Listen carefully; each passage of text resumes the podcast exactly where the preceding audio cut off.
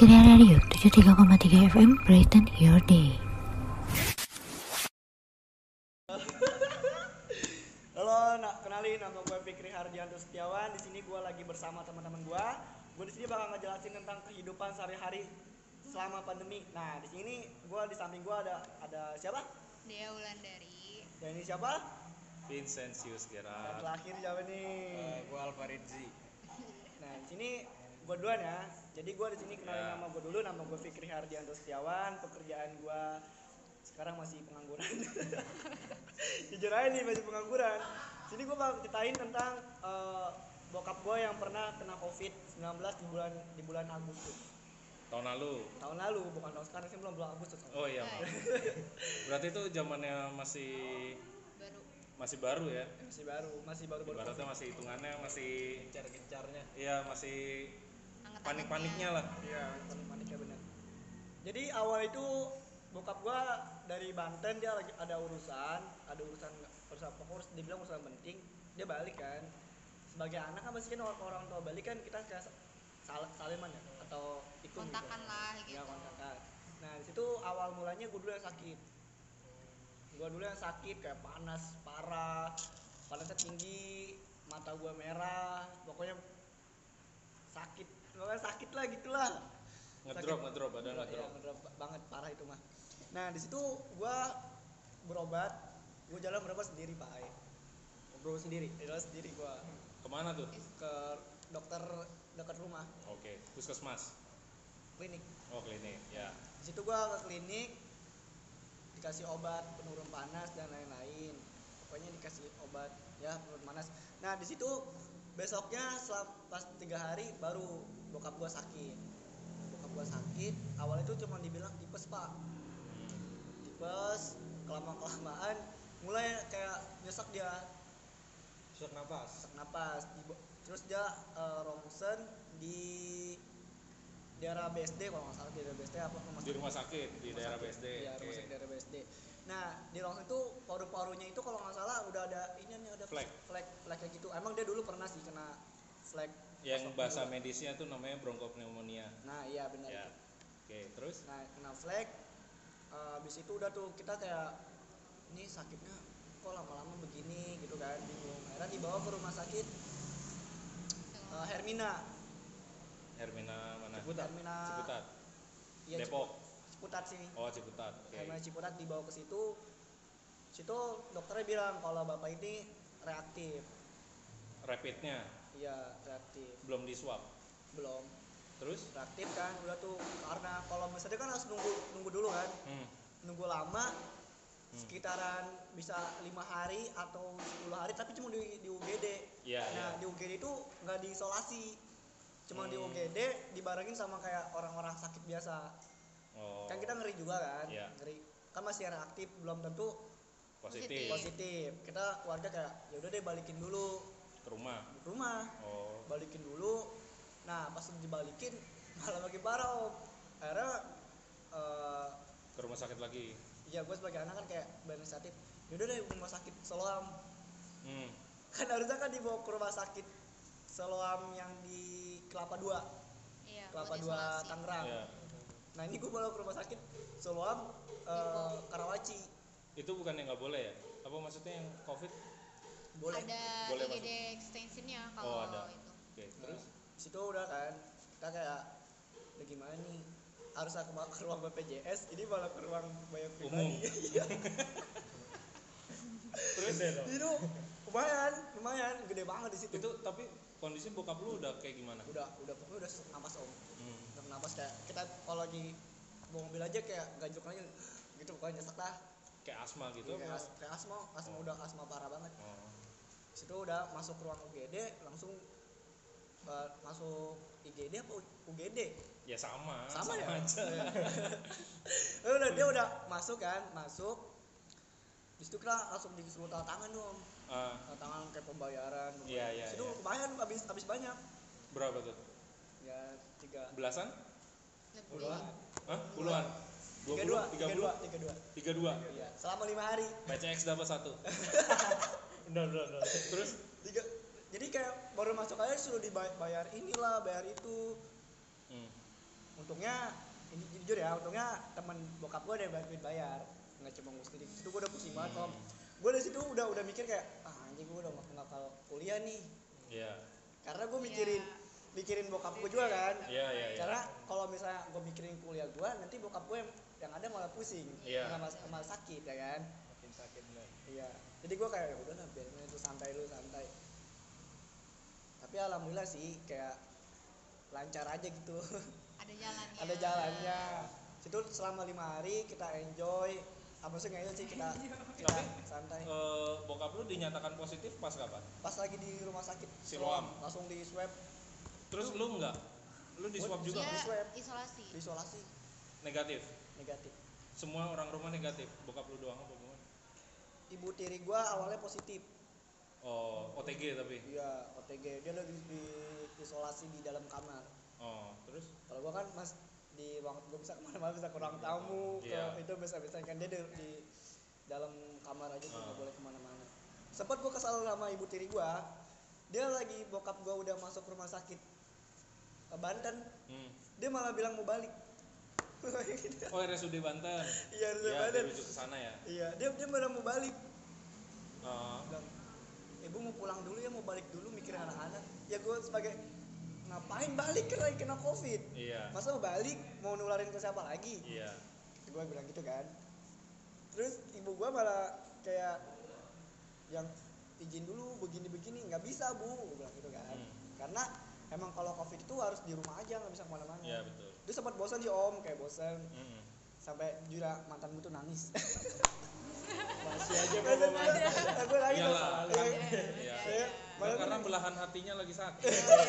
Iya dong, bener dong. Iya, Wajar lah, benar. Terus gue nangis Iya, kayak iya. kayak kangen gitu om kangen kan wajar wajar coy iya Iya. wajar Wajar. wajar banget ya wajar banget Terus Uh, dari situ lu ya kayak pas di rumah lima hari itu gue kayak buru uh, apa sih misalnya ke dokter tuh kayak pak kapan dapet rumah sakitnya gitu gitu hmm, kayak kok lama banget sih dapet rumah sakitnya saya Iya. udah nggak sanggup bayar iya.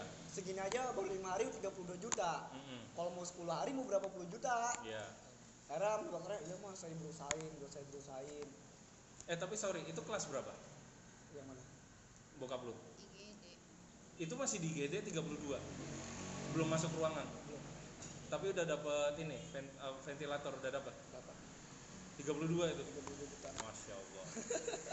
Gokil. Terus 30 juta. Wah, pusing banget tuh itu berapa hari di Siloam? lima hari Abis itu ke rumah RSUD Banten. Banten iya harus di Banten Terus di Banten berapa hari? 20 hari Itu siapa yang bayar? Negara gratis ya? ya Negara. gratis Terus? ya gua kan dengar dengar ya om Hah? katanya kalau misalnya kena covid terus bisa digantiin uang yang ininya setengah setengah apa Betul. apa pun sih Betul. Ya, bisa dibayar negara. Iya. Nah itu diba- dibayarin setengah setengah dari uang yang 32-nya. Iya, setengah dibayarin sama negara. Diganti? Diganti diganti oh, diganti. diganti setengahnya. Alhamdulillah dibayarin. Terus dari situ gua kayak ke dokternya kayak wah ini cepet nih buru-buru gimana? Udah pusing banget om. Ah. gila. Parah banget tuh pai 32 juta lima hari kalau misalnya sampai 10 hari jual ginjal sebelah udah gak kuat gua. Semua pai udah pusing banget. Karena dokternya kayak bilang mas sabar ya mas sabar ya mas gitu aja kan kata gua gua gua sempat kesel kayak bilang gini sabar mulu. Gua bilang gitu ke dokternya baik kayak sabar mulu kapan ininya? Orang saya udah punya uang gua bilang gitu. Untungnya ada temen bapak gua yang kayak bantuin. Bantu. iya dia nggak nggak kayak minta ganti tapi kayak udah bantuin ikhlas gitu. Rela. Iya. Bapak gua kayak pas di rumah sakit itu sering banget telepon telepon gitu gitu kayak sebenarnya kalau orang kena covid itu harus dikasih semangat sih. Iya, betul. iya semangat. Iya biar imunnya Iya. nggak turun. Kayak kita aja kalau biar dia nggak pusing juga. Iya. Iya. nggak stres. iya pasti stres. Terus? Kayak terus eh, bap eh, pas kena pas lagi di rumah sakit kan bapak gua sering telepon ke anak-anaknya. Satu pernah sekali kayak kita kan lagi lagi lagi tidur ya dia nelpon tuh nelpon gak diangkat eh dia marah-marah dia marah-marah kayak lu pada ke mana sih? Buat telepon gak diangkat. Sama orang sakit kan pasti kan kayak bawaannya emosi moodnya inian. Karena emang bapak gue itu nggak nggak bisa turun dari tempat tidur. Hmm. selama dua minggu eh selama seminggu apa dua minggu gitu. Kan nye- nyesek banget dia bilang gitu. Hmm. untungnya alhamdulillahnya bisa bisa turun dari tempat tidur itu di di beberapa hari gitu pokoknya. Gue lupa dia bilang "E, bapak bisa turun nih ke, ke mandi udah bisa mandi terus udah bisa sholat dan lain-lain dia bilang gitu kan. Gue alhamdulillah. Gue nanya dong pak kapan bisa pulang? Kata dia dikit lagi nih. Ya gue dikit lagi. Ya udah kita tungguin kita berdoa aja tuh. Nah satu ketika kayak gue kan mau pastikan kalau misalnya orang ini kan baju dia banyak tuh. Baju Iya. kotor kan selama dua minggu kan lama. Kayak gue datang dong ke rumah sakit kan gue nanya. Karena bapak gue butuhin baju sama celana dalam sama celana buat Ya, pakaian dia- pakai. sehari-harinya. Gue bilang dok saya mau ngambil ini dong baju bapak saya saya mau cuciin di rumah gue mau domelin baik iya emang nggak Iya, boleh. Ya, sama- boleh lah. Mau ditinggal. Iya diomelin, gue diomelin sama ini kan sama yang dok apa sih yang bersih bersih bajunya kata kata dia, abang masa mau nyari mati keluarga digituin gue baik, Iyalah. iya emang nggak boleh nggak boleh. Nggak boleh. Kata gue, baik, ah, kok kenapa nggak boleh? Gue nanya kan, ya karena kan bapak kena covid mas, dia bilang gitu, bisa nuralin dari bajunya baju. Dari situ eh, bapak gua selama 20 hari alhamdulillah bisa sembuh. Nah, gua ngasih tips dari dari orang-orang rumah ya, namanya orang kampung kan. Pada bikin jamu opon-opon, apa opon-opon apa oh opon-opon? iya iya iya iya Nah, iya iya iya. ya itu ah, pertama-pertama tuh Iya, ya jamu opon-opon tuh di, di- sering banget dikasih. Terus sama inian, jangan pernah lupa minum kelapa muda. Hmm. kelapa muda makan buah-buahan sama minum vitamin kalau gue sih biasanya kan gue kayak punya dokter di rumah gitu kan dokter klinik yang kalau misalnya kita minta obat dikasih kan akhirnya gue minta obat tuh kayak dok aku minta ini dok minta obat vitamin C Hmm. vitamin multivitamin akhirnya alhamdulillah dikasih sama dokternya kayak udah gitu pokoknya kalau sama pandemi jangan dibikin drop soalnya jujur ya om gue di, di rumah itu orang-orang kampung itu gue berasa diasingin ya selama pandemi gue kesel itu pak kayak masa gue kena pandemi malah diasingin Iya. malah yang care itu bukan tetangga malah orang-orang jauh Iya. kayak malah orang-orang deket kayak takut banget gitu Pak. padahal kan kita kan yang kena pandemi itu kan kena covid itu kan butuh ini kan butuh support dari tetangga keluarga Sekitar lah. Terdekat. iya soalnya kan keluarga gua kan dari eh, kakak gua yang rumahnya beda harus diisolasi juga Hmm. nggak bisa keluar rumah masa gua mau makan gimana minta tolong ke siapa Berarti dari tetangga sekitar itu nggak ada yang kontribusi sama sekali di di awal doang di awal doang. Iya di awal doang. Sama-samanya kayak udah masa bodoh aja.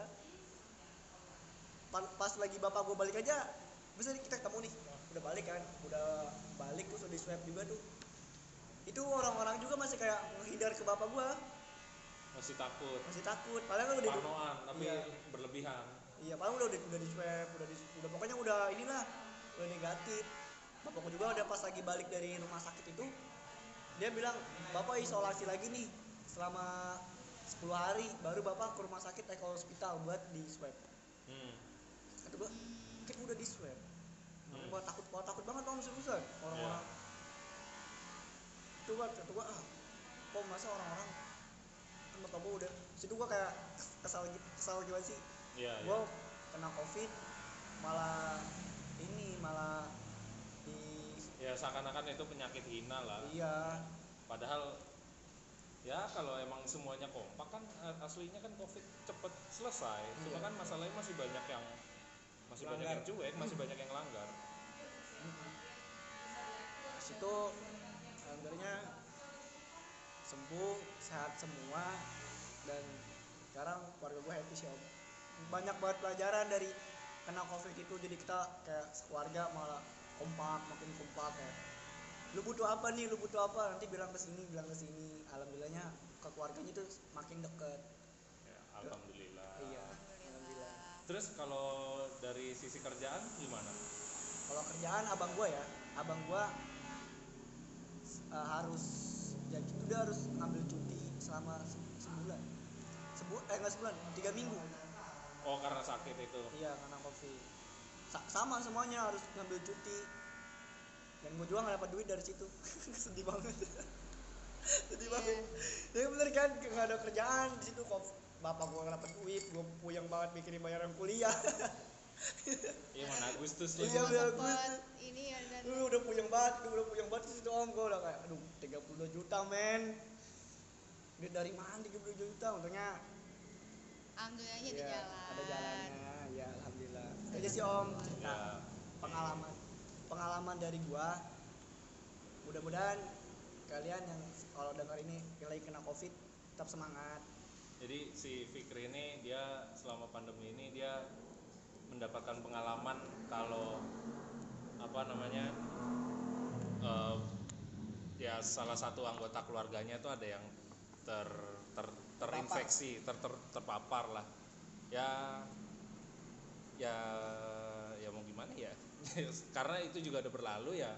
Fikri juga udah dapat pengalamannya apa ya semoga teman-teman yang ya amit-amit sih maksudnya eh, ya amit-amit sih eh, kalau merasakan hal yang sama ya tolong jangan jangan eh, jangan di jauh jangan dijauhin. Justru bukan maksudnya terus kita datang salaman sama dia nggak juga. Cuma maksudnya kita kasih moral support lah. Intinya bikin bikin supaya gimana caranya eh, nggak dia nggak kepikiran. iya nggak kepikiran dengan penyakitnya. Jadi biar imunnya tuh tetap kuat buat bisa ngelawan virusnya dari badannya sendiri. Terus lanjut siapa yang mau cerita Ya. Dea. Dea Kalau- gimana? Eh, kalau dia dari sisi kerjaan dulu kali ya? Ya boleh. Karena dia kerja di salah satu rumah sakit call center gitu. Kalau awal-awal tuh ya kalau masih karena kerja ya alhamdulillahnya gitu. Jadi kayak jalannya tuh sepi banget. Terus juga oh jadi tetap WFO ya? Iya tetap WFH nggak pernah. WFA sama sekali Eh, sebenarnya ada WFH gitu. Tapi? cuma eh, apa yang jauh-jauh karena kan teman-teman dia Oh. banyak yang ngekos gitu. Jadi pada pulang ke kampungnya masing-masing WFH oke. terus ya banyak juga yang sakit dan takut juga ke rumah sakit gitu. Buat berobat gitu ada yang nahan gitu kan. Tapi eh, alhamdulillahnya ada solusinya kayak konsultasi di rumah gitu ke, ke dokter. Kalau pengalaman pribadi nggak ada sih alhamdulillahnya sehat semua sehat. Orang rumah juga sehat. Tapi lu pas di rumah sakit pernah nggak sih ngalamin orang itu tiba-tiba ke rumah ke rumah sakit telepon marah-marah gitu pernah nggak sih? sering banget kalau marah-marah mah. Sering banget apalagi pas lagi covid covidnya kan. Mereka mereka butuh bantuan juga tapi dari Ya, cuma juga- gimana dari sisi tenaga medis kan juga terbatas Iya, jumlahnya. jadi ini baru Indonesia loh. Belum kita sekarang lihat India waduh lebih kasihan lagi sebenarnya. Ya makanya kita berdoa ya semoga jangan sampai kejadian juga lah. Jangan sampai di sini kejadian juga. Terus dia apa lagi? Ada nggak eh, nggak ada sih udah udah oke dia selanjutnya Lalu apa kalau tuh kemarin kan dia kan pernah ke Padang ya? oh iya Iya ke Padang. Nah itu ceritain deh gimana sih lu pas ke Padang apa aja? Itu ceritain jadi Padang. jadi dia ini eh, pada saat pandemi ini dia sempat ke Melakukan. Padang mela- Melakukan eh, naik perjalanan. pesawat. Nah, buat teman-teman yang pengen tahu nih eh, penerbangan domestik tuh gimana sih pengalamannya? Nah, silahkan dia.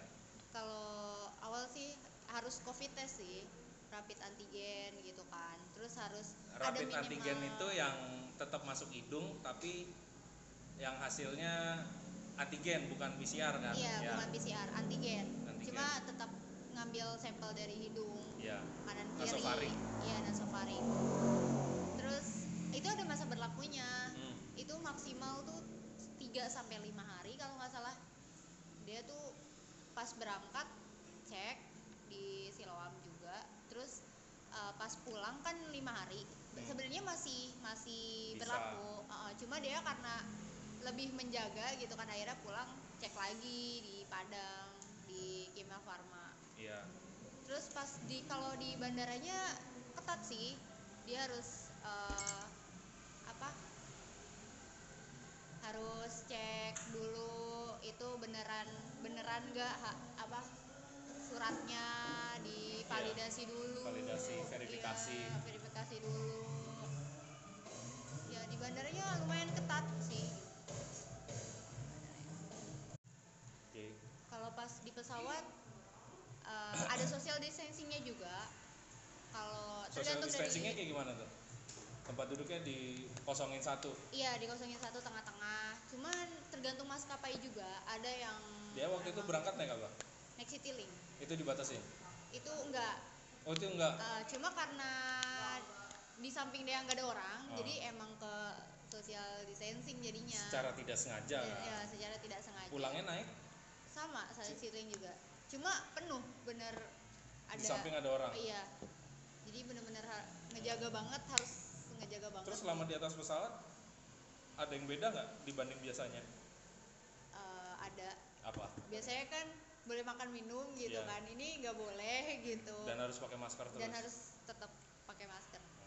Tadi yang ini deh apa namanya? Yang itu. Yang Swab. di dia swab. berapa di bayar awal-awal? di dua ratus empat puluh sembilan ribu. Oh Itu masih di sini? sama ya? Masih sama Itu di sini. iya Di- di, di sini. sana? Di? Padang sama di Padang sama. Ya karena Eh. emang udah standar negara kan harga segitu. dan eh, daftar ehak juga. Ah ya kayak itu ehak eh, aplikasi ehak itu perlu karena buat ngecek kesehatan juga nanti pas di bandara ditanyain terus mau masuk Jakarta sama mau masuk Padang juga nunjukin surat barcode ehaknya itu Udah deh. Udah. udah. Bye. selanjutnya ini jagoan kita nih Alfarizi ini yang pengalamannya banyak di jalan Eh, enggak juga sih. Eh, pertama-tama kita eh, gua di sini ceritain bukan cerita ya, sharing ya soal kerjaan ya di masa pandemi ini. Gua kan kerja di lapangan terus ketemu juga sama orang. Nggak cuma satu orang dari satu tempat ke tempat yang lain. Nah itu gimana ya kalau bisa dibilang sih dibilang takut apalagi pas awal-awal covid. Itu di bulan Maret. Di bulan Maret tuh awal covid eh, di situ gue bener-bener kayak ngejalanin prokes banget. Di situ gue tiap hari bawa sanitizer gue pakai sarung tangan ketemu orang pun gue nggak berani masuk karena gue kan ngejaga apa diri gue sama orang itu juga. Nah terus dari kerjaan gue kan di sini gue eh, nagih ya. Jadi eh, Alfarizi ini pekerjaannya adalah mengharuskan dia untuk ber ya mengharuskan dia untuk kontak ke, ke banyak orang dan Ya. dia nggak nggak nggak bakal bisa kerja dari rumah karena emang jenis pekerjaannya tidak tidak memungkinkan untuk kerja dari rumah Betul. Karena eh, kayak kalau dari sekarang gini kalau eh, orang dari handphone aja kita nggak bisa ketemu orang itu kita nggak bakal bisa komunikasi secara baik. ya Kita di situ harus negosiasi gimana caranya cari jalan keluar biar orang itu tuh eh, nggak melanggar peraturan perusahaan. tambah lagi lagi covid. Tambah lagi lagi covid. Nah itu juga belum ada keringanan dari pemerintah. waktu itu? Waktu itu. Uh, waktu ada keringanan-keringanan itu. Nah itu mulai tuh. Itu harus banget gua ketemu sama si konsumen. Hmm, harus banget ketemu sama si konsumen dan di situ uh, ya gua harus banyak ngomong. Maksudnya gua ngejelasin sejelas-jelasnya. Karena ini kan uh, prosesnya nggak sembarangan gitu ya. Nggak sembarangan orang. Tapi emang semuanya dapat itu harus ketemu. Nah eh, itu dari sisi kerjaan ya. Kalau dari kehidupan sehari-hari ya. Kalau kehidupan sehari-hari itu orang rumah bener-bener ngimbau apalagi orang tua ya itu bener-bener ngimbau kayak misalkan ke warung aja gue itu harus pakai masker terus kalau habis dari mana-mana entah ketemu temen eh bahkan ketemu temen aja gue nggak boleh waktu itu sama orang tua gue ketemu temen nongkrong itu nggak boleh gue Tapi kalau ngeyel, Pak. kenapa Ngeyel gitu. Ketemu gua. ya masih sempet sempetnya sih cuman ya gimana ya ya tetap jaga diri lah intinya Betul. Dari situ gua pulang main gua harus mandi. Mau pulang jam berapa aja? Tengah malam pun gue disuruh mandi. Pasti Iya. mandi. betul. Sama juga baju juga langsung cuci. Mau berapa kali ganti nggak peduli. Nah, Iya. dari situ eh, orang tua gue sempet sakit waktu itu. Bulan bulan September sih. Bulan September tahun kemarin ya. Bulan September tahun kemarin waktu itu sempet sakit eh, ngedrop panas sama panas aja sih cuman tinggi panasnya. Dari situ dia langsung swab ya waktu itu. Hmm. swab cuman di puskesmas swab di puskesmas tunggu sekitar dua hari baru ngambil hasilnya. Kan biasanya lama kalau di puskesmas bisa sampai Ne- dua negatif. mingguan alhamdulillah negatif tapi tetap eh, dia dari kerjaan harus disuruh isolasi selama seminggu Iya, soalnya takutnya belum belum kebaca kan Iya. dari swabnya dari situ dia swab lagi alhamdulillah langsung eh, hasilnya negatif negatif lagi. Tapi gue dari situ. pernah dong kan kemarin di swab tuh pas kemarin kan dari puskesmas itu nunggunya lama dua minggu. Kalau buka gua enggak buka gua ya karena waktu hari. itu mungkin yang pas awal-awal kan emang swab tuh alatnya masih terbatas terus yang minta swab juga banyak banget. banyak banget kan kalau sekarang ya sekarang 9 jam juga udah Iya, bisa keluar. keluar. hasilnya Iya. dari situ kalau dari segi kayak apa penghasilan ya? Alhamdulillah sih kalau penghasilan nggak nggak ada kayak kendala. kendala. Setengah pun eh, pokoknya penghasilan nggak dipotong sama sekali. Cuma untuk bonus karena gua di sini kerja di target ya. Untuk bonus emang sekarang kecil. Hmm. ya seenggaknya tapi masih punya pendapatan. Alhamdulillah. Alhamdulillahnya gitu. Masih bisa buat beli makan. Iya, Makan, bayaran, bayar apa ngasih makan ular. Kucing kucing ada kucing? Kucing udah almarhum kucing iguana ya iguana. Iya. Sugar glider. Jadi si Pak ini pecinta ini kan pecinta Reptil. binatang dia. Reptil. Ya lebih ke binatang sih? mungkin itu aja sih dari gua nggak banyak karena gua juga nggak pernah keluar kota. Keluar kota juga paling deket cuman ke Tangerang. Tangerang Jakarta. Tangerang. Tangerang Jakarta. Udah gitu-gitu aja sih. Pengalaman gua nggak terlalu banyak di masa pandemi Eh, pesan gua buat temen-temen yang dengerin ini kalau ya tetap jaga protokol kesehatan. Ya pokoknya saling jaga diri deh. Sehat-sehat buat semuanya. Min itu aja dari gua. Eh, untuk selanjutnya.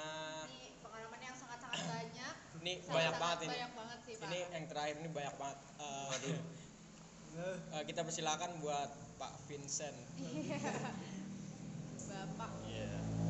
Eh, halo, nama saya eh nama gua Vincent. Jadi gue nih selama pandemi ini gue udah apa ya? Ya gue menikah di masa pandemi iya. Terus sempat melakukan perjalanan di masa pandemi iya. Eh, dan ya WFO juga eh, WFO juga iya, WFH juga iya. Jadi pas justru ya alhamdulillahnya kalau di kantor gua ketika eh, waktu itu ketika Wuhan yang di Wuhan eh, baru muncul lagi breakdown eh sorry lagi breakout itu di kantor gua itu udah mulai ancang-ancang untuk untuk apa namanya untuk udah mulai WFA karena em, yang karena memang eh, kantor gua salah satu eh, koneksinya adalah dengan yang ada di Shanghai. Jadi jadi bisa jadi ya mereka mereka mengantisipasi itu dengan ya udah kita kita coba test drive dulu lah kita WFA dulu. Nah sebelum WFA sebenarnya ini gue juga ada cerita. Jadi sebelum ada kasus 1 2 yang ada di Depok pertama. Nah, yang kasus oke. pertama temen gua ada yang baru pulang dari Shanghai. Dia duduk di sebelah gua. Baru pulang dinas dari Shanghai. Nah pas waktu itu dia eh, ya udah dia dia dia pulang. Eh, dan waktu itu masih belum ada regulasi-regulasi kayak karantina apa segala macam masih belum ada. Nah, bahkan kayak eh, rapid test aja tuh yang yang darah doang aja tuh masih belum ada waktu itu pas gua udah nyampe eh sorry pas temen gua udah nyampe di sini ya udah kan dia sehat-sehat aja ya udah dia lan- masih lanjut kerja. Nah sekitar mungkin lima hari apa sampai seminggu kemudian dianya nggak kenapa-napa. Guanya yang ngedrop tiba-tiba. Mungkin waktu itu gue juga emang kerjaan emang lagi banyak banget. Kurang tidur ya? Kurang tidur Kurang istirahat ngedrop lah. kurang istirahat. Sampai akhirnya gue bener-bener ngedrop Eh, dan gue ke rumah sakit waktu itu eh, tes widal. Dan iya gue positif eh tapi positif ini ya tipes. Oh, iya. karena waktu itu eh, lab untuk uji Covid. COVID. masih belum ada di Indonesia. Karena kasus 12 pun masih belum ada di sini. Ya nggak tahu sih itu itu COVID atau atau enggak gue juga nggak tahu. Cuma ya pas waktu itu pas tahu gue sakit akhirnya gue disuruh istirahat 14 hari. Walaupun pas udah tiga hari nah itu gue udah mendingan karena ya kebetulan istri juga dokter kan. Jadi pas selama isolasi di rumah ya udah sekalian infus segala macam jadi bener-bener ditembak obat segala macam jadi tiga hari ya alhamdulillah udah mendingan. Ya ya tapi sampai sekarang tuh masih misteri. Itu itu tuh sakit apa? Iya, karena iya. Karena kita Penasaran. juga, ya? iya sebenarnya penasaran. Kayaknya tipes juga nggak mungkin karena eh, gejala covid itu juga 11 12 sama sama Iya, tipes sama 11 12 sama DBD Iya. betul betul. Ya itu itu yang pertama. Terus yang kedua gue sempet tiga bulan itu nggak keluar rumah sama sekali. Tiga bulan. tiga bulan nggak nggak keluar rumah sama sekali. Jadi semenjak WFH sampai tiga bulan kemudian tuh gue nggak keluar sama sekali. Dan itu itu eh, emang eh, anjuran dari kantor atau Iya anjuran dari kantor. Bahkan dulu tuh kantor bilang kalau eh, kalau ada yang ketahuan keluar kota atau apa langsung pecat di tempat eh langsung pecat di saat itu juga. Jadi kita juga ya udah kan. Dan gua waktu itu pas pertama tiga bulan pertama tuh wah asik nih WFH nih. Apa maksudnya? Ya udah kan kita nggak perlu OTW nggak perlu apa kan. Jadi kita bangun bisa langsung mas, eh, nyalain komputer kita langsung kerja selesai mau kapan aja gitu kan selesai eh, atau pas istirahat kita bisa rebahan di kamar kan bisa nggak ada yang nggak ada yang lihat kan? Iya. yang penting hasil kerjanya. Cuma pas setelah tiga bulan gue lama-lama kayak kayak jadi orang gila. Apa Jenuh, maksudnya? jenuh. iya jenuh. Ya gue butuh Stres. sosialisasi lah sama orang. masa gue cuma ketemunya sama orangnya itu itu doang? Terus yang terus yang gue lihat cuma komputer doang masa? Betul. walaupun ya walaupun kita bisa ngobrol di zoom Iya, bisa ngobrol di apa ya. tetap aja kan? pasti ya beda. ya ada yang beda pasti hal-hal konvensional kayak kita ketemu salaman sapa bercanda nggak jelas gitu ya jelas itu pasti kita membutuhkan itu walaupun walaupun udah ada zoom udah ada ya secara virtual sebenarnya udah ada.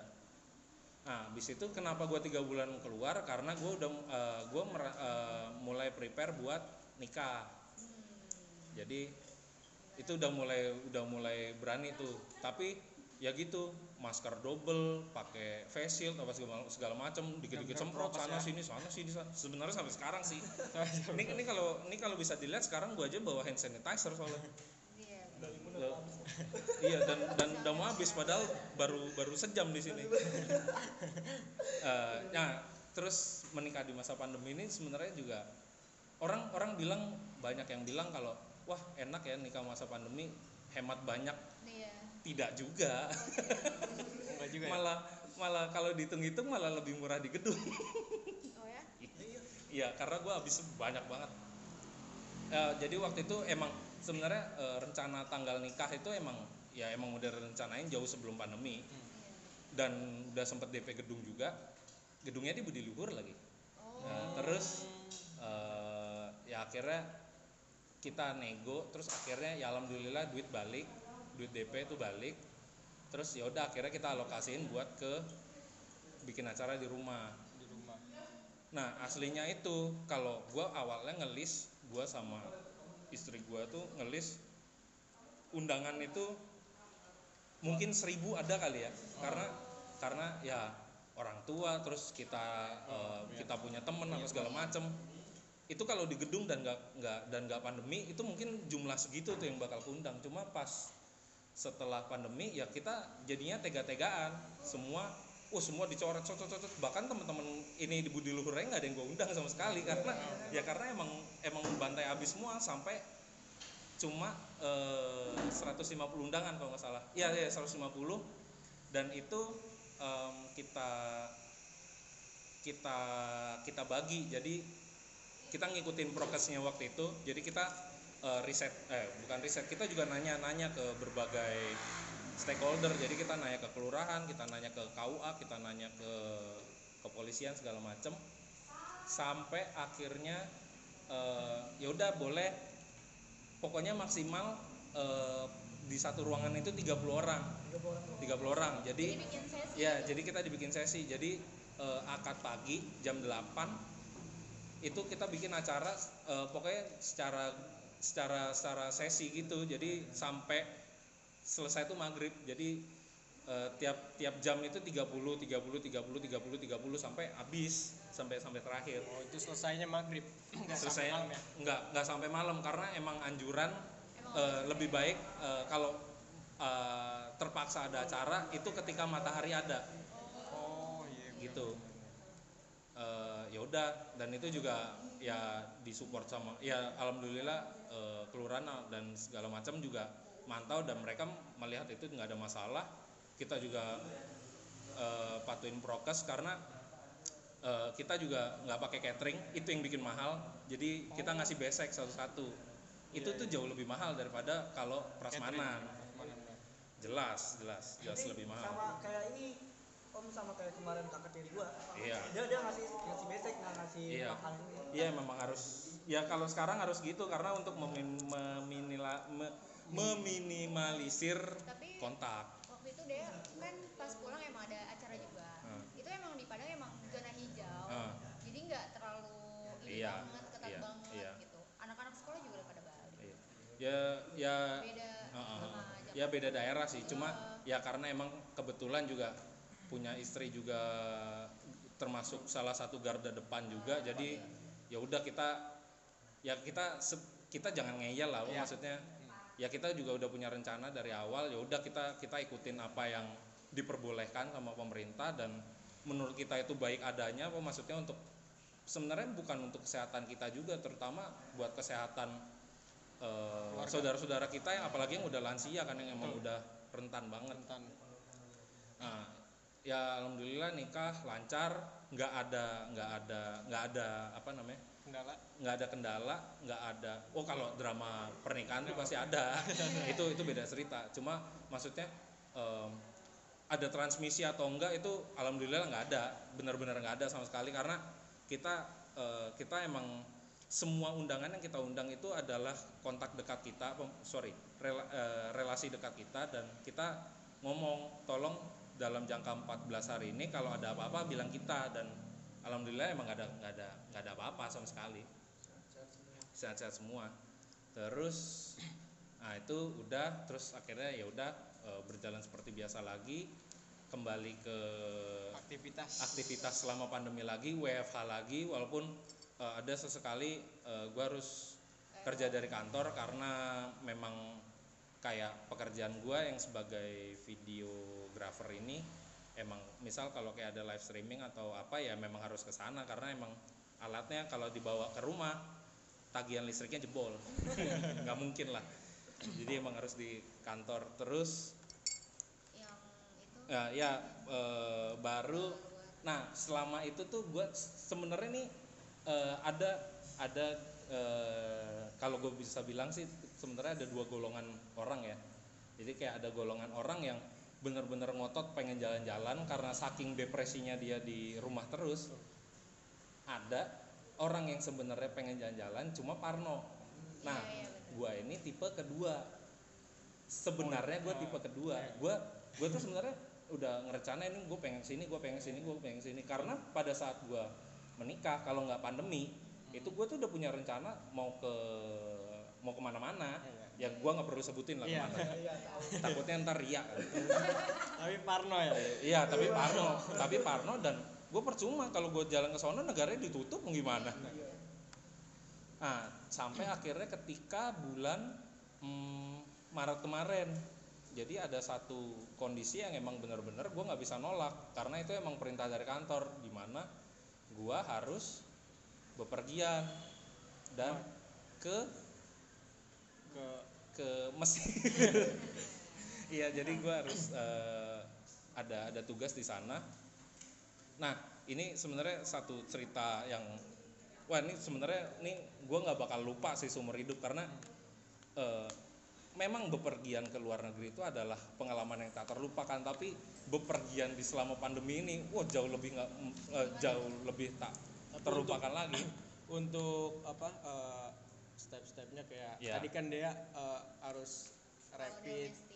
ya ya ya harus harus kalau domestik kan rapid. Nah ini gue eh, coba cerita ya kalau internasional. Jadi kalau internasional yang pertama itu pastiin pokoknya eh, misal kalau kalian ada yang mau berpergian keluar eh, pastiin kalau bisa setiap hari itu cari tahu eh, regulasi di sana sama eh, kondisi kasus covidnya di sana kayak gimana? Jadi kayak gue misal ke Egypt eh ke Mesir sorry. Ke Mesir itu gue gue dari bulan Januari itu gue man eh enggak sorry dari bulan Februari karena gue dikabari Februari itu gue tiap hari mantau terus. Bahkan eh, regulasinya itu di sana gimana? Apakah harus karantina dulu atau harus gimana? Nah di sana tuh cenderung landai sih. Jadi eh, sehari itu positif tuh sekitar 400 sampai 500 nah Hamin satu gue berangkat oh ya, ya. Hamin satu gue berangkat covidnya tiba-tiba naik nih. Sempat sampai ke seribu. Ya kan di sana kan warga negaranya lebih dikit kan. Jadi seribu tuh udah dianggapnya banyak. banyak. Nah gue tuh udah takut apa jangan-jangan nanti gue pas di sono ketahan nggak bisa keluar nggak bisa keluar dari bandara. Tapi ternyata eh, ya alhamdulillah masih aman. Karena eh, visa yang gue pegang adalah visa bisnis. Jadi ya emang kepentingan kerja ya udah silakan. Yang penting jaga diri Eh, jadi kalau mau penerbangan internasional itu itu wajib eh, PCR swab. Eh, itu tergantung negaranya juga masing-masing. Kalau misalnya kayak Mesir itu minimal 70 eh maksimal 72 jam sebelum keberangkatan. Oh iya. jadi eh, misal gue berangkat hari Senin ya eh, paling telat paling paling terakhir diterima tuh ya hari swab hari Jumat kayak gitu. Ya pokoknya dihitung 72 jam mundur lah. Nah itu gue waktu itu eh, swabnya tuh hamin satu karena eh, biar ya biar lebih aman lah. Maksudnya maksud gue eh, takutnya gue mepet-mepetin di 72 jam nggak taunya ada apa-apa gue harus swab lagi duit lagi kan. Karena swab kan nggak murah. Iya. swab itu gue waktu itu masih di GSI itu gue dulu masih 900 walaupun dibayarin kantor tapi kan tetap aja gue nggak enak lah sama kantor. Berapa lama hasilnya? hasilnya keluar 12 jam. 10 sampai 12 jam gue lupa. Terus setelah gua dari eh sorry habis PCR ya ya mm, kalau buat prepare eh, pokoknya selama di pesawat itu eh, wajib pakai masker eh, pakai eh, handscoon boleh cuma nggak nggak nggak diwajibin sama benar-benar nggak boleh ngelepas masker sama sekali kecuali lagi makan. Dan sebagai informasi gue tuh penerbangan 16 jam di sana. Jadi 16 jam pakai masker terus. Ya sebenarnya lebih dari 16 jam. Karena kan gue dari masuk bandara Iya. gue tuh masuk dari bandara tuh udah harus standby tuh 6 jam sebelum keberangkatan. 6 jam. Sebelum eh, buat check in segala macem eh, verifikasi validasi imigrasi. Iya.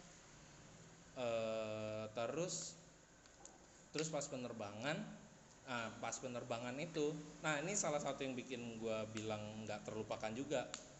Eh, jadi pada saat gue terbang eh, udah sekitar tiga jam terbang udah mau masuk eh, wilayah udaranya India tiba-tiba ada satu penumpang yang a- ada gejala. Jadi dia dadanya sesak sesak banget. Dia bilang katanya dadanya sesak banget. Terus akhirnya eh, akhirnya eh, pilotnya memutuskan untuk kita putar balik lagi ke Jakarta. Jadi udah tiga jam di udara kita putar balik lagi tiga jam. Puter balik. Iya tapi jadi itu beneran puter balik? Ya putar balik. Gua ada fotonya kalau mau lihat. Dia Balik. beneran putar balik. Balik lagi ke Iya, Jakarta? Iya balik ke Jakarta. Terus kan gue berangkat tuh jam 12 Nah jam 5 jam 5 pagi itu gue mendarat di Jakarta lagi. Jam 5 pagi 5 subuh. Ya udah kan. Nah itu tuh wah itu gue udah ya mau gimana ya udah capek udah capek Iya, banget. bener-bener. Mau protes juga nggak bisa. Ya udah. Ya habis itu eh, berangkat lagi jam 6 atau jam setengah 7 gitu. Eh, terus eh, kan tran- transit dulu di Qatar jadi enam- eh, sekitar 9 jam nah masalahnya adalah karena gue balik lagi ke Jakarta itu kan berarti eh, perjalanan lanjutan gue eh, kita nyebutnya transfer transfer flight ya. Eh, pas di situ itu semua satu pesawat kelewat semua pesawat ketinggalan pesawat semua. Dari Qatar ke Kaironya kalau gua kan ke Kairo di ah, itu gua ketinggalan. Dan ya kan karena ini kesalahan eh ini adalah kesalahan dari pihak eh, Qatar Airways eh, sorry ya dari dari pesawatnya. Akhirnya gue di eh, gua eh, mereka mencarikan untuk penerbangan gue selanjutnya ada penerbangan selanjutnya. Nah ini juga buat teman-teman juga. Eh, ada penerbangan selanjutnya tapi ternyata dia punya regulasi beda di sana. Jadi mereka iya oke PCR tapi mereka eh, mereka di penerbangan yang satunya ini eh, Royal Jordan dia tuh minta untuk eh, surat PCR tapi stempel basah. Nggak mereka tuh nggak mau surat dari email terus di print. Itu mereka nggak nerima. Jadi gua yang harusnya bisa berangkat tiga jam lagi akhirnya gue ketahan. Gue nggak bisa karena surat PCR gue kan dari email. Iya. ya karena kan di sini kan lagi mencoba untuk ya contactless dan paperless kan. Jadi sebisa mungkin ya lewat email lah bisa lah kayak kan kayak gitu. Tapi ternyata Royal Jordan nggak mau kayak gitu. Bahkan udah sempat debat juga eh, ya mereka tetap nggak nggak mau tetap kekeh nggak mau karena itu regulasi mereka walaupun bos gua yang di Jakarta udah ngomel-ngomel apa maksudnya? Udah bayar aja PCR lagi di Qatar biaya berapapun bayar gitu. Terus Eh, akhirnya? Eh, lu sebisa mungkin lu harus berangkat dari ini juga biar lu bisa istirahat besok lanjut kerja. Tapi permasalahannya adalah PCR di mana yang bisa selesai dalam waktu 3 jam? Bayar berapapun tuh nggak bisa karena kebanyakan tuh tercepat tuh 6 jam sampai 9 jam setahu setahu gua ya jadi mau nggak mau ya udah solusi ke, solusi yang ada adalah penerbangan ke Kairo selanjutnya dengan Qatar Airways juga 28 jam kemudian. Dan di Qatar itu peraturannya adalah per- peraturan dari pemerintahnya adalah kita nggak boleh eh, sorry foreigner itu eh, maksudnya warga negara asing itu nggak boleh masuk wilayah negaranya sama sekali. Eh, ya terus pas sampai di oh ya jadi 28 jam kemudian mereka ngasih ya mereka ngasih komplimen makan eh, tiga kali terus ngasih ada eh, ada first class lounge. Ya boleh lah daripada harus tidur ngemper Iya, di iya. bandara seenggaknya mereka ada ngasih sofa dikit lah lebih empuk. Jadi Iya, ya walaupun emang ya walaupun emang nggak nggak nggak kayak kasur ya tapi seenggaknya ya boleh lah buat punggung jadi lebih enak ya udah kira terus berangkat lagi di eh, Mesirnya. Nah kan kalau eh, kalau di Dea tadi bilang kalau domestik kan eh, dia bisa berlaku sampai lima hari kan untuk eh, antigennya. Iya. nah kalau di Internasional? internasional nggak bisa. Jadi eh, ya kan 72 jam sebelum keberangkatan ya. Berarti kalau lu mau balik lagi ya lu harus swab lagi. Jadi gue swab lagi di sana. Dan biaya swab di sana tuh jauh lebih mahal daripada di Indonesia. Perkiraan. 2,1 gua kemarin. Di sini berapa pak di sini berapa pak berapa? Di sini palingnya cuma di sini 900 900 udah paling mahal sekarang palingan. Di sana 2,1 itu hasilnya sejam. Jam iya. Tapi Ter- lebih cepat lebih cepat. enggak enggak enggak enggak enggak juga 24 jam dia baru keluar hasilnya. Oh, 24 jam. Iya. Nah, terus ah, di sana itu nggak eh, pas gua ke sana itu nggak ada karantina. Eh, dan untungnya pas di situ tuh eh, pas gua balik itu eh, yang di Eropa tuh udah mulai naik angka covidnya udah mulai gelombang kedua apa ketiga gitu lupa gua. Ke- kedua kalau nggak salah. Nah itu untung gua udah balik jadi nggak ketahan. Pas nyampe di sini, nah kalau regulasi di Indonesia itu eh, harus karantina lagi jadi pas nyampe harus karantina lagi 5 lima hari eh sorry 6 hari 5 malam. Jadi pada saat nyampe di Indo nyampe di Indonesia itu swab. Swab lagi terus nanti di hari ke hari keempat karantina di swab lagi. Jadi kalau hasilnya dua-duanya negatif pada saat hari ke-6 boleh pulang. Oh, itu Gitu sih. isolasinya di? Isolasinya nah kalau mau isolasi yang gratis itu ada di Wisma Atlet. Oh itu gratis. itu gratis itu ada di Wisma Atlet sama eh, kalau enggak eh, bisa di kita bisa ada mereka ada daftar hotel yang mm, yang udah ada sertifikasinya buat karantina eh, ya dengan membayar sejumlah biaya gitu. Nah, gua waktu itu eh, di dibilang sama atasan gua eh, udah jangan di Wisma Atlet lah. Ngeri dia bilang gitu. Ya udah. Gua mah Pusatnya gua- itu ya. ya gua mah manut aja dibayar kok. Ya udah dibayarin. Dibayarin. iya yang penting dibayarin. Tapi walaupun dibayarin ya di hotel enam hari tetap aja nggak bisa ngapa-ngapain karena Iya. emang benar-benar nggak boleh keluar keluar kamar sama sekali. Bahkan kamar itu kalau bisa dibilang dikunci dari luar.